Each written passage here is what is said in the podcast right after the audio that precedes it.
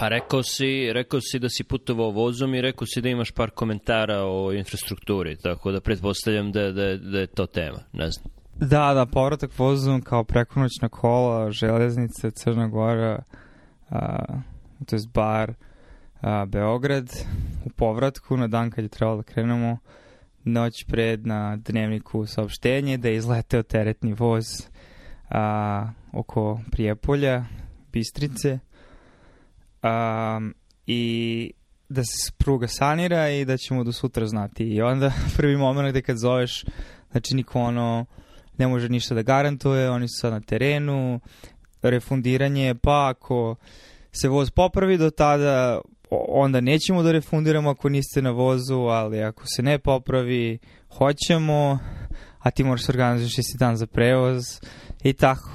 Mislim, na kraju je popravljen voz u, čet, u četiri popodne, ne, to jest ujutru i ono, valjda je pušteno u četiri, a mi smo išli u sedam i ovaj, i sve je prošlo ok, da ono, u, na putu nazad sa trutkanjem voza, svaki put kad onako malo potkoči ili se zalije, zapintam se da li voz ide adekvatnom brzinom i da li su pruge adekvatne i da li postoji. Mislim, naravno, teretni voz je daleko teži, ali... ali... Da, ali kad kažeš uh, popravljen voz, mislio si da je pruga stavljena u, u pogon, ne da je voz kojima je kojim je vi trebalo da se vratite u Beograd bio pokvaren i da je trebalo njega da poprave. Da, da, nisam se dobro izrazio. Pruga, pruga je bila popravljena, parče pruge.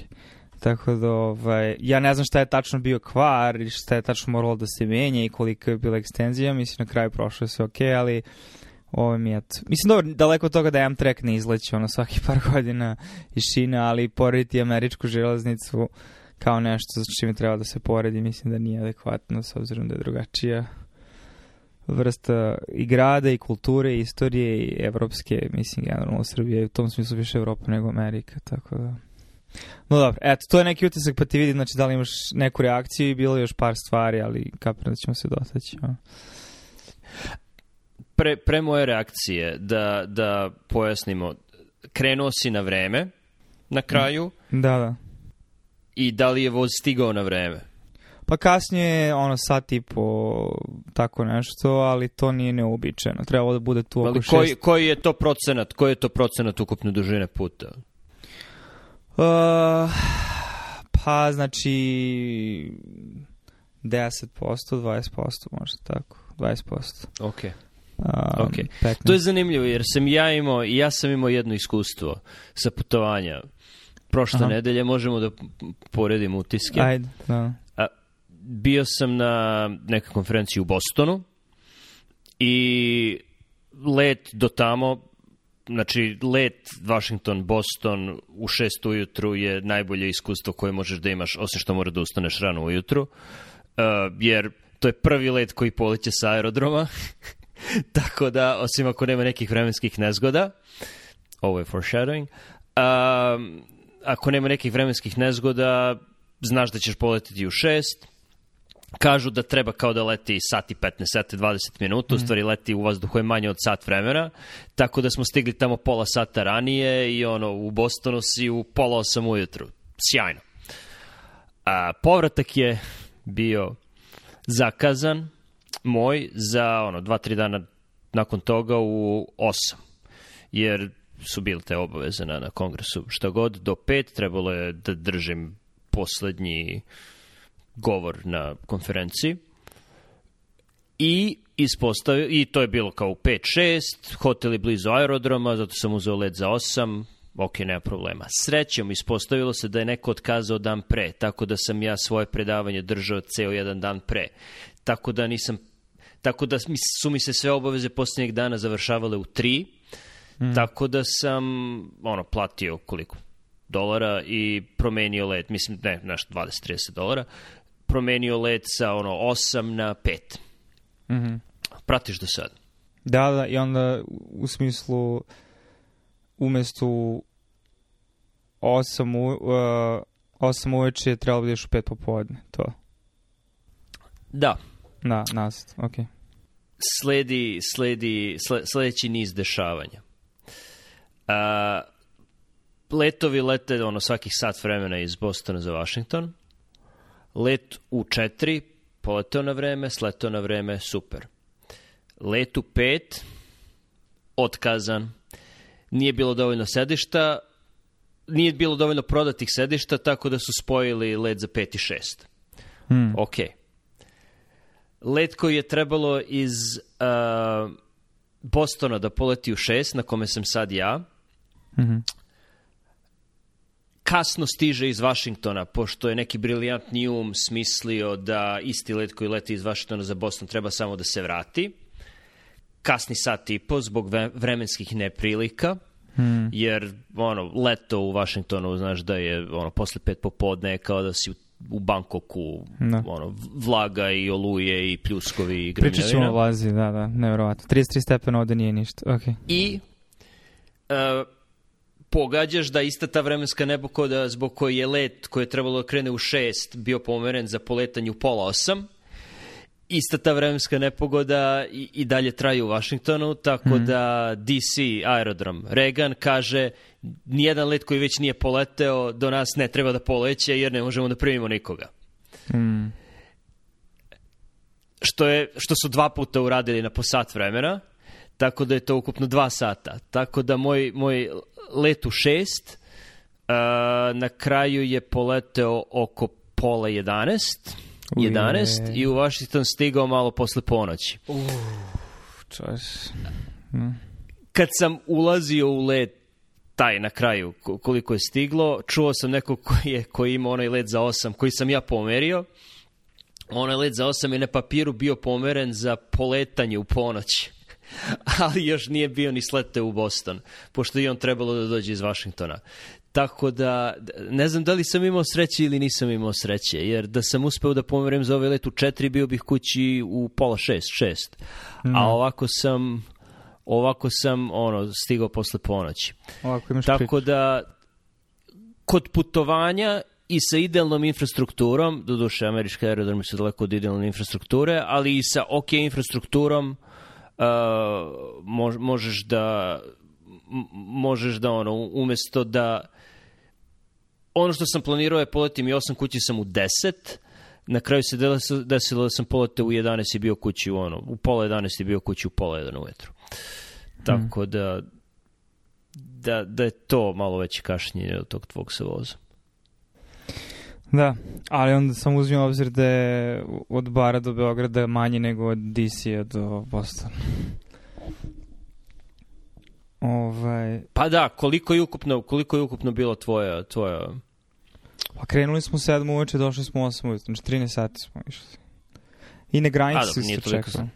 Ali, mislim, ono što je cool u stvari u celom tom konceptu je znači, spavaća kola nisu toliko skupa ili toliko skuplja od busa, a bukvalno ono prespavaš u vozu iako je ono vagon star, star, star ono komunistički a, posteljina je čista što je najbitnije i ovaj, nekako kad ideš tako vozom koji ide ono 50-60 na sat, ne znam ni koliko ide, ovaj, te uljka, ono i mnogo lepo spavaš. Na kraju svi smo okej spavali, znači uopšte nije bilo neodavno.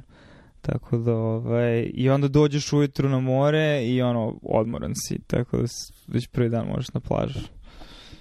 To je bilo I cool. sa svojim autom, ili ne? Koliko, koliko... Ne, do, dovukli smo auto da možeš kao da dovučeš auto u...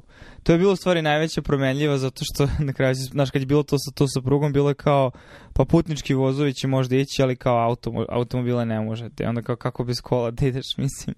Ali na kraju si posle sve bilo okej, ali ono, znaš, taj moment da ti moraš početi trenutak da razmišljaš. Jer da nismo imali kola, mislim, ono šta možeš, mislim, ono, sedeš na avion ili, mislim, ono, nađeš bus.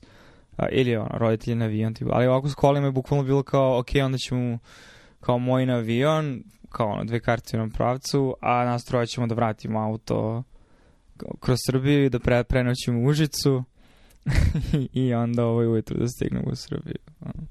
Pa to ne bi bio najgori plan na svetu. Ne bi, ne, bilo je čak super, moj brat je bio malo razočaran, ono, pošto se to nije obistinilo, jer se on možda to mi nadao. Ali, ovaj, pogotovo, ono, Užice trebalo da bude baš super, tako da, ovaj, um, ali, kod infrastrukture imali smo sreće da granica bilo u povratku, granicu dolasku, ono, čekanja su 6 do 12 sati i ona ta magistrala koja povezuje sve te primorske gradove, koji su se neanormalno izgradili zadnjih ono deceniju i po, pogotovo zadnjih ono 5 do 10 godina, a gomila tih projekata u stvari propalo, jer je gomila ono ruskih investitora, mislim tu krenulo da gradi ne znam kakve ono hotele i onda sada, pogotovo sada, od ove godine, je sve zamrznuto i cijela ta ideja ono restruktuisanja crnogorskog primorja da prija potencijalno ruskoj eliti, A, mislim, to tako pričaju lokalci tamo. Znači, ja, ja nemam previše uvidu sve šta se, kako se tačno odigrava, ali na kraju se ispostavilo da um, znaš, dosta tih ljudi ne može da dođe, tako da, ovaj, ali opet mislim da dosta ljudi iz regiona, mislim, tako se to sve sad zove, iz regiona je došlo, I, ovaj, ali problem je samo što dosta tih hotela koji jesu izgrađeni funkcionalni i dosta tih novih stambenih objekata su izgrađeni na mrežama vodovodnim koji su bile tu i pre ono 30-40 godina i ništa se nije pretrano promenilo u infrastrukturi. A, ta magistrala koja povezuje sve te primorske gradovi ima ono jednu traku usim u svakom smeru. I ono, od, od, od Petrovca do Bara koji treba bude vožnje od 15 minuta ideš ono sat i po vremena na 40 stepeni u oba smera. Zato što je prepano automobila, automobili su svuda parkirani, na trotoarima, baš je ono... I čuvam, pričao sam sa drugom koji živi u baru, kaže ovo još i nije toliko strašno koliko je bilo 2019. kad je ono bio pik pred COVID. Ove, tako da... Eto ti tu infrastruktura. Zar nemaju... Z zar nemaju ono investicije sa strane, mislim na Kinu koja je trebalo da izgradi puteve ili su to putevi više od mora ka unutrašnjosti Crne Gore, a ne magistrala koja ide pored da, da, obale da. i šta, i šta ih sprečava da prošire puteve? Pa mislim, iskreno projekat bi bio mnogo vjerojatno komplikovan, ali to isto mislim ono kratkovidost vlasti, mislim, su vlasti koju, mislim, vlasti na čitavom Balkanu, mislim, svuda je to politika sad, ono, brzo izgradi, napravi što više, prodajte stanove zato što zemljište vredi, strani investitori, a, a ko će se zanima protiv požarnom odbranom, vodoinstalacijama, električnom mrežom, znači, ono, mislim, na Beogradu ne mogu pumpe na ovom da održavaju koje rade već, ono, 80 godina ili koliko već, mislim, u smislu da je kultura pumpi prisutna u tom regionu. Tako da znaš kako tek onda ti sada planiraš ne znam šta. A, I ne znam, i Pančevo su opet razrušile, znači ceo grad je, park je ponovo renoviran, ali to renovirano, mislim, ajde, napravi komentar, neću da, da odlazim u drugu tangentu. mm. Čekaj, koji park? U Pančevu, centralni park, Aha. gradski park, centar, stari centar. Mislim da je taj talas renoviranja i izgradnje počeo u Jagodini. Što se Da, da, da. tiče... Um, Jagodinizacija Srbije.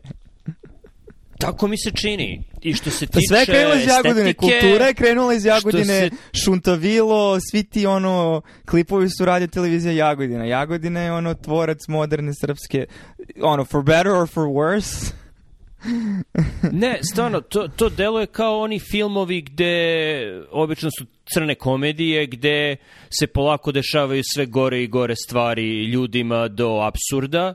Tako je u Jagodini počelo izgradnjom neke glupe fontane, koja je, mislim, glupa, ružna, na lošem mestu i onda je polako počelo ok, fontana, pa parking, pa ova zgrada, ona zgrada, dok se nije pretvorilo u, u, ne znam, najgore favele oko Rija, što se tiče ono gustine izgradnje i kvalitete izgradnje, a onda se iz Jagodine prešlo na, na ono, Beograd, ostatak Srbije, gde, gde sad, sad mislim da oni vide u Beogradu ka, kako je u Jagodini bilo ono, otprilike deceniju pre nego što je krenulo u Beogradu. Što se tiče kvalitete izgradnje i, i lepote i, i urbanizma.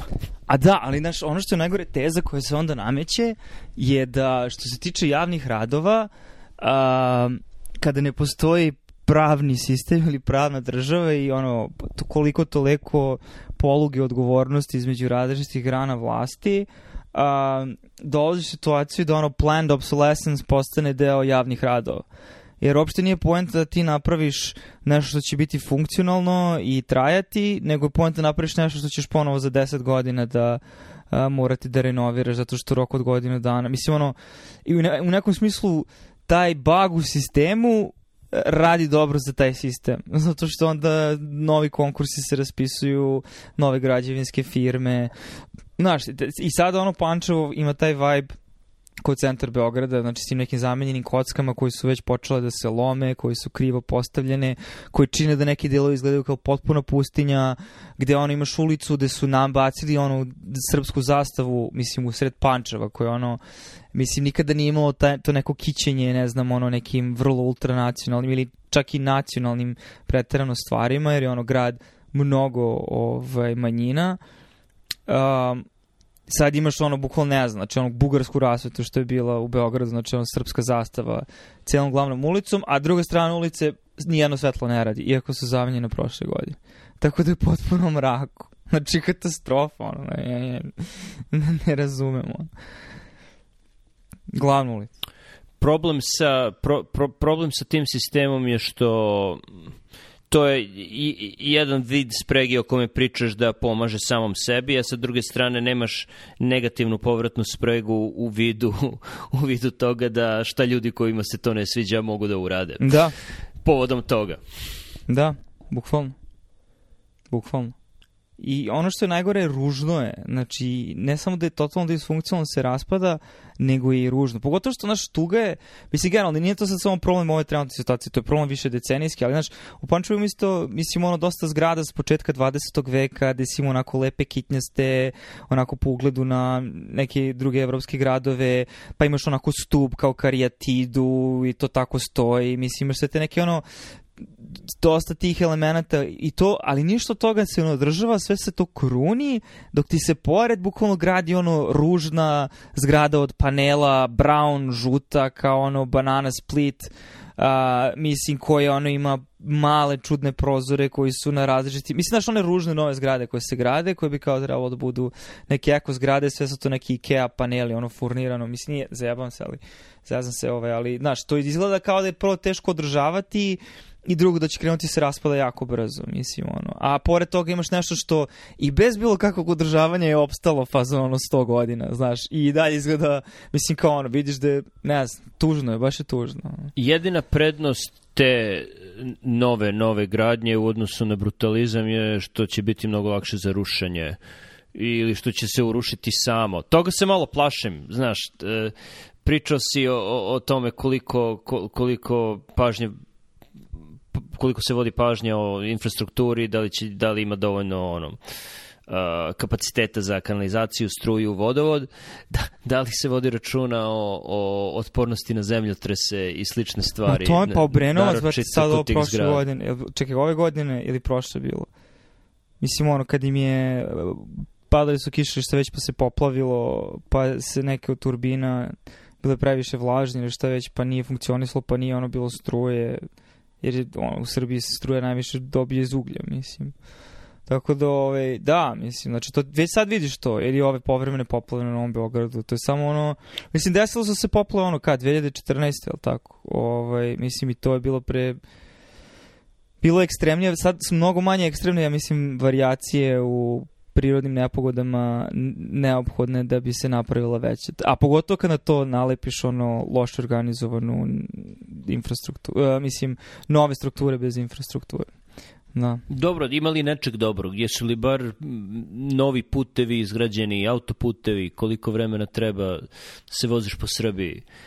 Jer, ono, čini mi se od kad nisam išao da je, da je dosta ona obilaznica oko Beograda i slične te stvari su konačno gotove, ili ne? Da, da, to, to stvarno mislim da, ima naravno nekih drugih stvari koje, ono, kad pogledaš kako se menjaju kroz vreme, opet se neki način u nekom obliku, bez obzira na sve negativne aspekte, jesu promenile nabolje. Znaš, pogotovo recimo ta veza Pančevo-Beograd, imaš se taj Pupinov most, mislim ti ono od Zemuna direktno ideš, znači zaobilaziš ceo centar grada, to je veliki. I ta obilaznica nije mnogo uh, trenutno, osim u špicu ujutru, ka Beogradu nije toliko um, ono gužva, ali naravno da će dovesti od toga da kvadrat u Borči iskočio, kvadrat u Ovči iskočio, sve se tu sad gradi. Mislim da su Pančevu, za to pričali prošle godine, toliko nekih novih objekata izgrađuje zato što a, mislim, ljudi iz Beograda prodaju svoje stanove, zašto je Beograd skočio kvadrat i onda kupe, mislim,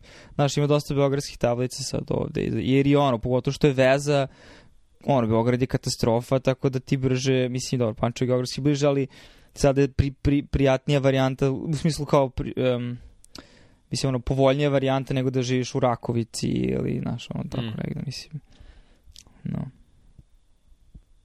Ali, mislim, da, im, nismo se vozili, bio je plan da se vozimo nazad i tim, on, autoputem.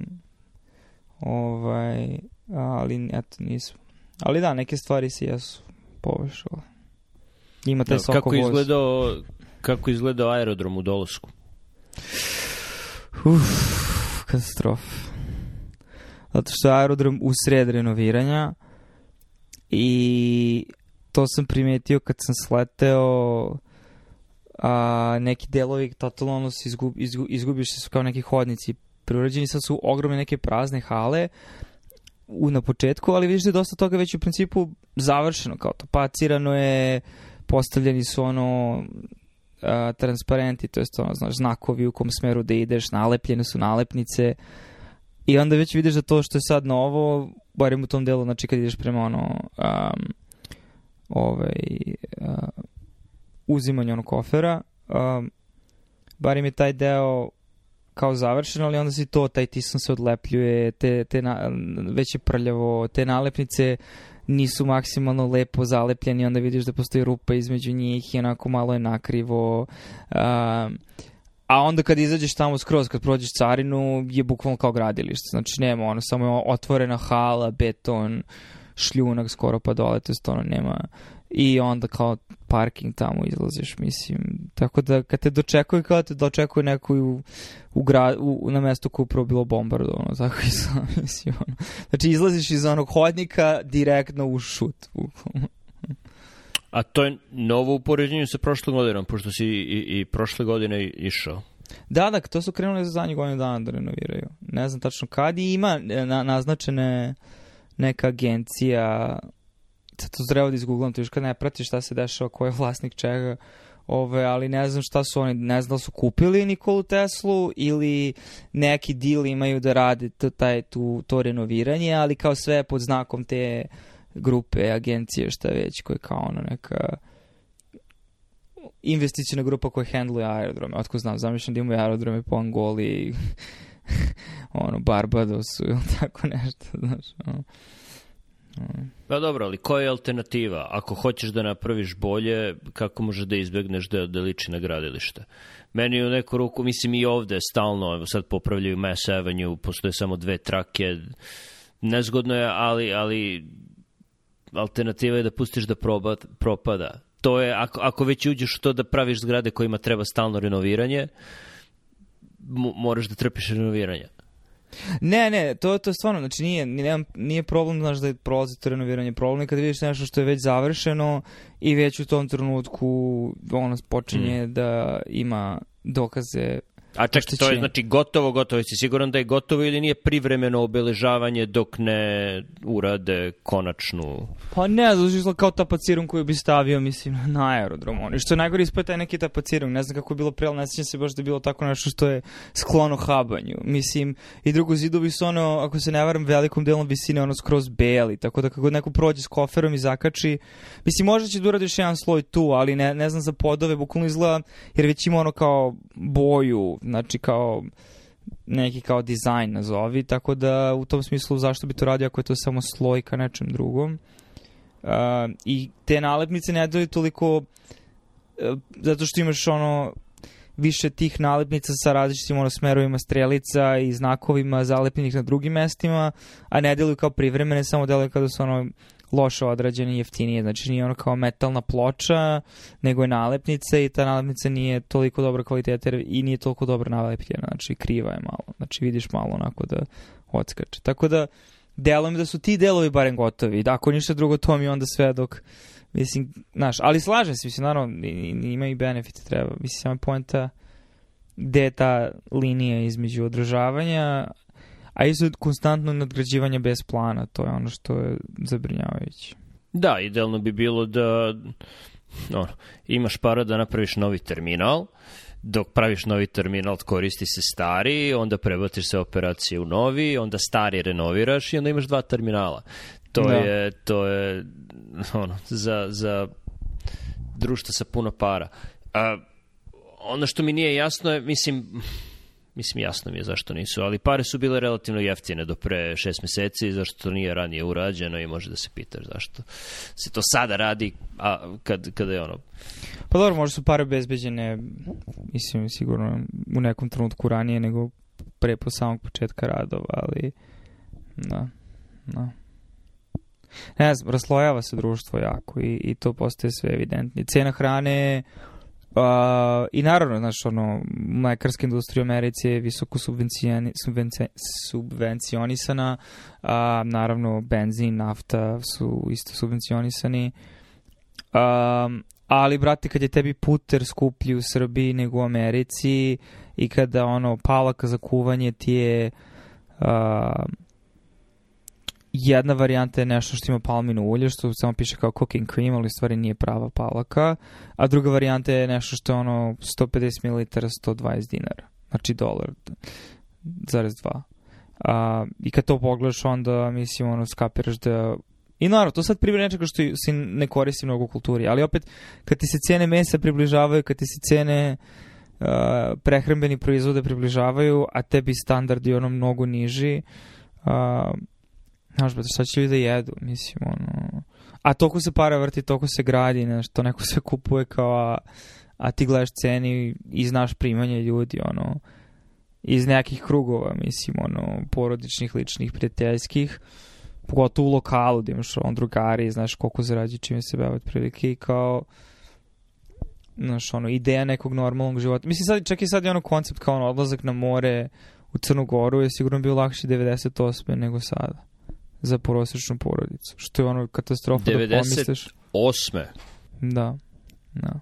Mislim, znam bar što se moje porodice tiče. Ono. Znači, jednostavno, nije to bio toliki, naš odlazak na Crnogorsko primorje, toliki izdatak. A sada, mislim, ono, jeste veliki izdatak. Mm. Ali da li je to više funkcija toga što je 98. i dalje postala Savezna Republika Jugoslavija i nije bilo toliko upliva stranih turista u Crnu Goru, tako da su cene u Crnoj Gori bile niže, ili zato što je standard pod navodnicima u Srbiji sad toliko niži nego 98. Mislim da je kombinacija oba. Ne, ne, mislim da je kombinacija oba. Zato što isto vreme... Zato što i lokalci kupuju recimo neke od tih hrana uh, pod tim cenama, znaš. Ni- Nije to kao, a nije kao da je u Crnoj Gori, ne znam, nešto nenormalno porastao standard. Uh, a sa druge strane, mislim, znaš, ono, po restoranima ti odeš i kao sad naš restoran i sad pasta ti je lupam. I to ono kao Petrovac, znaš, pasta ti je, ne znam, 15 dolara, uh, znaš, ono, neka riba je 20 dolara, mislim 20 evra, uh, 25, tako da cene u restoranima su, nisu namenjene za lokalne ljude, mislim, blizu su cenama, To je skuplje nego prosečan DC restoran, a- restorani ovde su relativno skupi. Pa to ti Mislim, kaže, to je ono kao za te turističke momente da ti kao dolaze ljudi iz stranih zemalja, ali ti kad odeš u prodavnicu, u toj prodavnici kupuju i svi ti ljudi koji iznajmljuju svoje apartmane, razumiješ, zato što ima drugi tel, znači imaš kao Mm. hotele sa pet zvezdica, gde je ono kao stvarno hotel sa pet zvezdica, a, a onda imaš gomilu ono apartmana, zgrada, nečega što je izgrađeno u zadnjih 10-20 godina, ovaj, gde ono neko drži 3-4 apartmana i kao prodaje ih, to jest iznajmljuje. A, ti isti ljudi kupuju, mislim, tu robu u tim supermarketima a, i na to mislim, znaš, tako da... Um, To je uvek problem. Na, na Kubi je to lako rešeno. Imaš uh, dve valute i prodavnice koje primaju jednu i prodavnice koje primaju drugu. Uh, one prodavnice koje primaju valutu koji kubanci primaju platu obično su skroz prazne. Tako da, da je rešenje je jednostavno. Da, ne znam samo da li ovaj, a, infrastruktura da se vratim ono a, u smislu teze kao dobro se nešto gradi, ali se postavlja pitanje da li to čini čitav sistem fragilnijim i na duže staze gore nego samo neodržavanje ili blago održavanje kada ti nenormalno povećavaš rizik time što uvećavaš broj stambenih objekata koji imaju, razumeš, mokri čvor uh, u kojima će neko da živi, u smislu da li ti mi samo povećavaš riziku toga da ono, čitav sistem kolabira mnogo brže ili lakše i da ono, potencijalne greške ono imaju ripple effect, znaš, pa da se prošire na druge stvari, jer je sve nestabilno. A, mislim, ostaje da se vidi, ali već sada se vidi da imaju problema, mislim, barem u Crnoj Gori, ali a, u smislu primjera radi um, on, problema sa kanalizacijom i izlivom ovaj, i počinje polako opet on. Ali da mi toga bili ranije, ali... Mm. Ili ono, brate, nemaš are na, u putu gde ono u jeku sezone je prepuno turista svako veče. A tu ti ono druga i treća najveća magistrala prolazi i ti nemaš trotoare. Zato što su hoteli drže gradilišta bukvalno do trotoare i a taj hotel je prestao da se gradi i drugi delovi jednostavno nemaju trotoare. Tako ti ideš do plaže, golim ulice koji nemaju trotoare, a naravno da ima automobila, naravno da ima mopeda i Znaš, i ta vrsta infrastrukture, u smislu šta sad neko treba da pogine, mislim, ili, a naravno da klinci noću voze, mislim, ono, i kao, znaš, a ljudi idu s decu, mislim. Ne znam. Možda su naši vozači oprezniji, mada... Hm. Ono što je, mislim, zanimljivo je da toliko ljudi i dalje živi tu i da je tolika gužva uprkos tom nedostatku infrastrukture i visokim cenama, jer bi pomislio da će ljudi da odu. A zato što je sezonski i kapiram da dosta, mislim, opet, ja nisam toliko sad upoznan stvarno sa trenutnim promenama u demografskoj strukturi, mislim, ni Srbije, čak kao moli, mislim, Crne Gore, tako da sve što imam i ono, kontakti s lokalcima, a opet i to je bilo ograničeno vreme, znači ne možeš da skopiraš kroz kulturu dok ne provedeš neko vreme i to malo više pričaš i čitaš, ali uh, velike oscilacije su bile, zato što pred COVID je ideja bila da će sad da bude dosta ovaj, mnogo više stranih turista i onda došao COVID i onda 2020. je baš bilo ono kažu katastrofa. Mislim, 2021. su ono kao otvorili nešto delimično ili kako već i ispade da to, mislim, ono značilo neanormalno lokalcija. Mislim, naravno, to sad sve priča, otko znam. Mislim, ono, ali zato što oni su imali nikakve privanja 2020. a posle 2021 turisti koji su dolazili tu su mahom ili opet turisti iz regiona, ne ovaj, tako da kao da se sve nekako zamrzlo i njima sad uopšte, mislim, cel, cel ta, mislim, ono, taj plan izgradnje i to sve, mislim, ljudi su generalno nezadovoljni, znači, pričajući stvarno s ljudima koji žive tamo, mislim i ono, i možda se isprati, mislim, ja sam togo površno videli te ono promene vlasti koje su oni imali i šta je to uopšte značilo i tako dalje, i tako dalje. Ove, tako da ima dosta tu faktora. Um, ali mislim da ono za sada kao i pošto mislim ove sezone je bilo ljudi mislim da ih to održava mislim barem u tom primorskom regionu tako a ja uveli su sankcije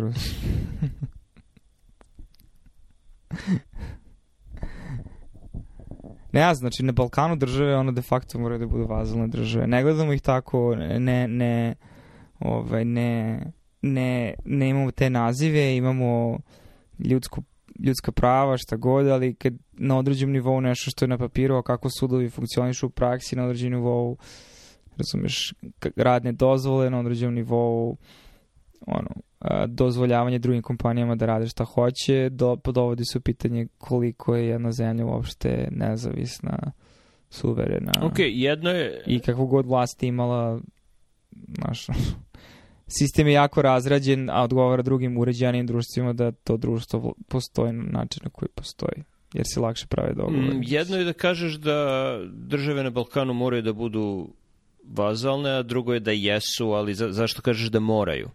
Mislim, da, da, da li bi isto tako rekao i baltičke države moraju da pa budu to je, vazalne? To je pitanje u stvari. Ne, da, možda morati je prejak termin u smislu, naravno.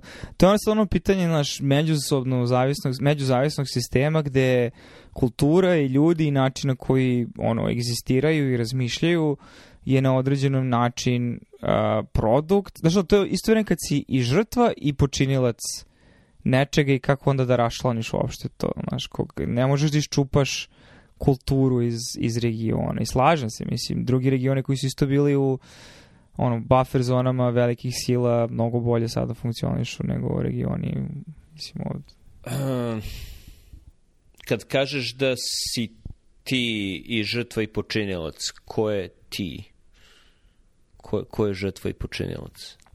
Pa svaka prosječna individua, mislim, naravno neki ljudi su mnogo manje žrtve i mnogo više počinioci, ali na neki način sudelovanje u tom sistemu nepobitno da bi uopšte funkcionisao njemu na neki način u određenoj meri moraš da previturaš neke njegove aspekte. Neko ti se razboli i treba da do, dođe u bolnicu i treba da rade neku proceduru i koliko god ti želao da živiš u uređenom društvu, koliko god ti mislio da ovaj, sve te stvari koje se dešavaju nisu prave i volio bi da nije tako, opet ćeš, mislim, ono, tražiti vezu zato što je u pitanju bolesan član porodice, znaš da su liste čekanja nenormalne i znaš da uh, se ne dobija mislim u smislu da gomila drugih ljudi ulazi preko isto toga. I u tom smislu, znači, da li ličnim kontaktom, da li, mislim, ono, um, mitom, mislim, svi ljudi, ono, znači, non stop. Mislim, ja nemam kontakt ovde sa sistemom, tako da, ali, mislim, vidim šta se dešava ljudima,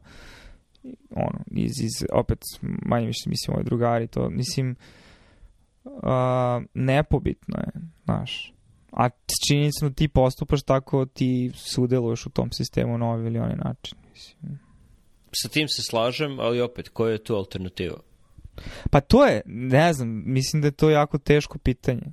Slažem se. Mislim, i to je ono što je na neki način malo i poražavajuće, jer u fazonu, znaš, opet odgovornost je individualna i kolektivna, ali kako uopšte tako nešto korenito promeniti je Jer je opet nemeno kad neko pokušao da, ono, mislim, po, uh, kogo god bili iskreni, neiskreni, naravno, ono, mešani motivi različitih, ono, da kažem, pozitivnih promena u ovom društvu, opet sa sobom nose neki, ono, krovni prizvuk i opet, mislim, znaš, uvek, uvek kada ti sprovodiš i neki interes, onda zastupaš i neki strani interes i onda to opet nije Znaš, mislim, čitav ideja oko toga da posla, ono, kroz čitavu tranziciju, ono, ekonomsku, da sve te velike kompanije koje te kako poštuju zakone u državama koje moraju da ih poštuju su pravile dogovore i kupovale stvari ovde po istim pravilima kao što bi. Ali nisu ni te kompanije toliko krive zato što imaš lokalnu, mislim, ono, uh, lokalno tlo koje prihvata takve stvari znaš, i onda to opet pitanje ono, kokoške jaje, mislim. Pitam se koliko, naročito ti problemi oko zdravstvene nege članova porodice i slične stvari, e, koliko je tu problem sistem, a koliko je problem nedostatka resursa. Mislim, razmišljao sam o tome šta bi bilo da ovde u Americi nema toliko resursa i kako bi to izgledalo i da li je ovde sistem takav da, da bi ljudi se i dalje isto ponašali generalno neutralno, objektivno, uh, u zavisnosti toga u kojoj si bolnici, loše prema svima ili dobro prema svima, da, da da su resursi ograničeni i da objektivno nemaš dovoljno ljudi, lekova, materijala i onda po kom principu bi se odlučivalo i da li bi apsolutno svuda u Americi bilo isto, verovatno ne i verovatno postoje delovi Amerike, verovatno bi većina Amerike bila kao i Srbija, pošto je Srbija više liči na ostatak sveta nego, ne, nego na Ameriku. I, i onda je, više pitanje, pa zašto, ne zašto je sistem tako loš, nego za, zašto, zašto nema resursa, gde, gde je novac, gde, mislim, neko ko radi u Srbiji i ako hoćeš na ono, ekonomske teorije Karla Marksa, ako proizvodi neku dodatnu vrednost, gde, gde ta dodatna vrednost odlazi, čime se, šta, šta rade ljudi po ceo dan u Srbiji i, i, i šta se tu dešava mm. i onda pratiš pare i onda vidiš uh, pa ne, ni, nismo mi takvi ljudi i nije sistem takav zato što smo mi loši ljudi, loše istorije i tako dalje, nego zato što se uvek nađe neko ko će da, da odvuče višak para u svoj džep, u švajcarsku banku, u ovu banku, u onu banku i onda kad isušiš baru, ostane puno ne, ne krokodila, nego punoglavaca koji će se međusobno jesti i glođati jer, jer jednostavno ne, nema, nema dovoljno. I mislim da je to jedna velika, Ali to je ono... velika, da ajde, big lie, velika laž, teorija zavere. To je kao, ne, Srbi su najgori narod, ovo je loš sistem. Pa ne, mislim, svi bi se tako ponašali da nemaš. Znači, to je siromaštvo. Znači, Srbija je siromašna zemlja generalno. A, I onda ti neko priča, ne, ne, ne, mi smo u stvari bogati i, i za to vreme to bogatstvo stavlja ono, u, u, u trezor ili gde ga stavlja. Znaš, to to, mislim da je to veći problem nego, nego mentalitet, usud geografije ili, ili bilo što drugo. Ali to, mislim, ok, sad malo zalazimo u neku temu koju možda ne treba zalazimo. Pa to je ista jer tema, jer je upravo, ta infra, upravo su ti veliki infrastrukturni projekti jedan od načina u koji se pare odlače. Znači, samo pratiš pare i vidiš u čemu je problem. Znači... Da, da, da, ne slažem s tom, nego sad samo, mislim, hoću kažem, ulazimo u malo drugačiju tematiku, ali uh, u smislu koji nije čak ni politički obojeno, nego jednostavno ono kao antropološki posmatranje sistema generalno, uh, slaže se tom u tom smislu na kome najveća odgovornost leži, jer onda leži najveća odgovornost onome ko pravi najveći delta u tom sistemu u kom god smeru on bio, jer time znači da raspolože najveću količinu moći. Ali četava poenta je da opet mislim, da ne želim da umanjim to, mislim da je to bitno, ali ono što hoću naglasim je među povezanost, među zavisnost, gde i takva vlast ili, ili ta, takav sistem ne bi funkcionisao, da nemaš dovoljan deo populacije koji nije u tom, ne znam kom nivou, razumeš, otimanja, mislim, ono, surplus, kako se rekao, dodatne vrednosti, ali koji jednostavno neke male benefite zbog svog uh, neznanja, mediokrite, mediokritetnosti, uh, pot, ne, potrebe ono da, mislim, ono nešto središ, znači samo mislim da samo ono jednostavno Mislim, ne znači, opet je deo i kulture, imanje, znači, hvatanje krivina, stvari na prečicu. I ne kažem da su sve individue takve, ne kažem ni čak da je ono, uh, većina individua takva, ali ako imaš dovoljan procenat individua koji su spremni da sa dva razreda osnovne škole žele da budu deo lokalnih, mislim, ono, političkih opcija, mislim sad, ono, mislim, vrlo karikiram, ali znaš šta hoću da kažem, i imaš ostatak naroda koji to žele, kome, ili to ignoriše, ili ko, koji to može da toleriše, onda to dozvoljava da takav sistem opstaje, znaš, mislim, jer kad bi ti uklonio sada sve te što uzimaju višak vrednosti, drugi bi neki opet isplivali, jedini zaš, način zašto isplivaju je zašto dovoljno, dovoljno ljudi u tim sistemima veruje da i oni mogu da dođu na, u tu poziciju i da mogu da se na taj način ono a, srede svoj život. Mislim, to je pomognu sebi ili kome god. Hmm. Pitam se.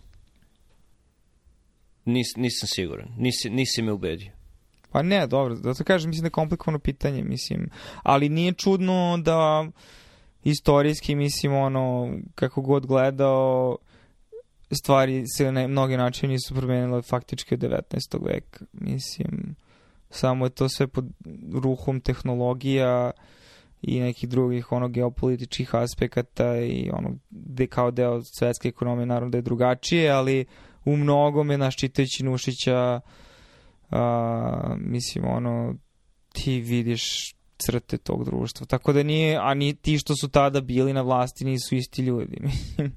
Znači, kako onda, znaš, nije samo, mislim, neć, mislim opet neću umenjim bitnost lične odgovornosti, ali postoji razlog zašto stvari koje isplivavaju na vrh isplivavaju. Mislim. Da, ljudi koji nisu bili na vlast, koji su bili tada na vlasti u 19. veku i sada naravno da nisu isti ljudi. E, nisam siguran koliko paralela možeš da povučeš. Mislim, neke stvari su slične i da čitaš Nušića, gospodu, gospođu ministarku, vlast, njegovu posljednju dramu koju nije završio, prvi čin. Mislim, to bi moglo i sada da se izvodi, jer, jer ono, predstavlja koncept, koncept koji ljudi imaju u Srbiji prema vlasti se nije promenio od onda. To je tačno, ali se ni, ni materijalna situacija promenila od onda. Tako da ne znam kako možeš da rašlaniš ta dva. S, Kako biš nije se materijalna situacija? Pa Srbija je od uvek bila ono, raslojeno društvo. Nije za razliku od... Ali sada se to raslojavanje sada je nenormalno. Znači, mnogo već, mislim, ne znam, možda za vreme pre nego što su ono komunisti, razumiješ, nacionalizovali sve, ko zna koliko je tu bilo ono, oteto od svakakvih, ono, ove, od tome se i ne zna, jer istorija koju su naši roditelji učili je bila izbrisana od svega toga, tako da i sad, tek će sada da, mislim, naš, nebitno repatriacija to, ali, ovaj, opet, barem u odnosu na ono što pamtiš, vidiš koliko stvari postaju sve drastičnije i drastičnije. Tako da se opet taj, mislim se vratimo na početak što si ti rekao, znaš, um, kao neka ono komedija, tragikomedija, mislim crna komedija gde ono stvari idu sve više. Gledaš Kesić je iz godine u godinu i fazonu si ovo je gradacija, znači neminovno. Jer više, znaš, ono, oni nemaju ni posla, nego samo, tad su uveli onu rubriku šta radite bre, u smislu kao, ajde samo da pustimo insert od 20 sekundi, jer ono kao, nema potrebe za komentarisanje. Ja ne mogu napraviti nešto će biti smešnije od ovoga, mislim, kao... I opet, mislim, nadrealisti su bili 90 i šta god, ali hoću ti kažem, u nekim aspektima, opet, nije sve crno-belo, mislim, i nikada nije ništa linearno, multiaspektno je, ali barem sa aspekta, ja mislim, kad bi radio ono, šta god, Gini koeficijent, uh, mislim da je Srbija mnogo raslojenija sada nego što je bila pre 10 i 20 godina. Uh, to je tačno, ali osnovna struktura sistema ne mora da bude promenjena da bi društvo bilo raslojenije. Znači, pitanje je što više, ako, ako, imaš, ako imaš funkciju koja će ti uh, 99% resursa dati jednoj osobi, a ostatak svima drugima, uh, količina rasloje, raslojenja će se će ti zavisiti od unosa. Razumeš? Tako da to što, to što je društvo u Srbiji raslojenije sada, u apsolutnim terminima ne znači da se sistem promenio, ne mora da znači, može jednostavno znači da sada ima više para u Srbiji, ali da to više para ima manji broj ljudi i eto ti više, više rastojenja.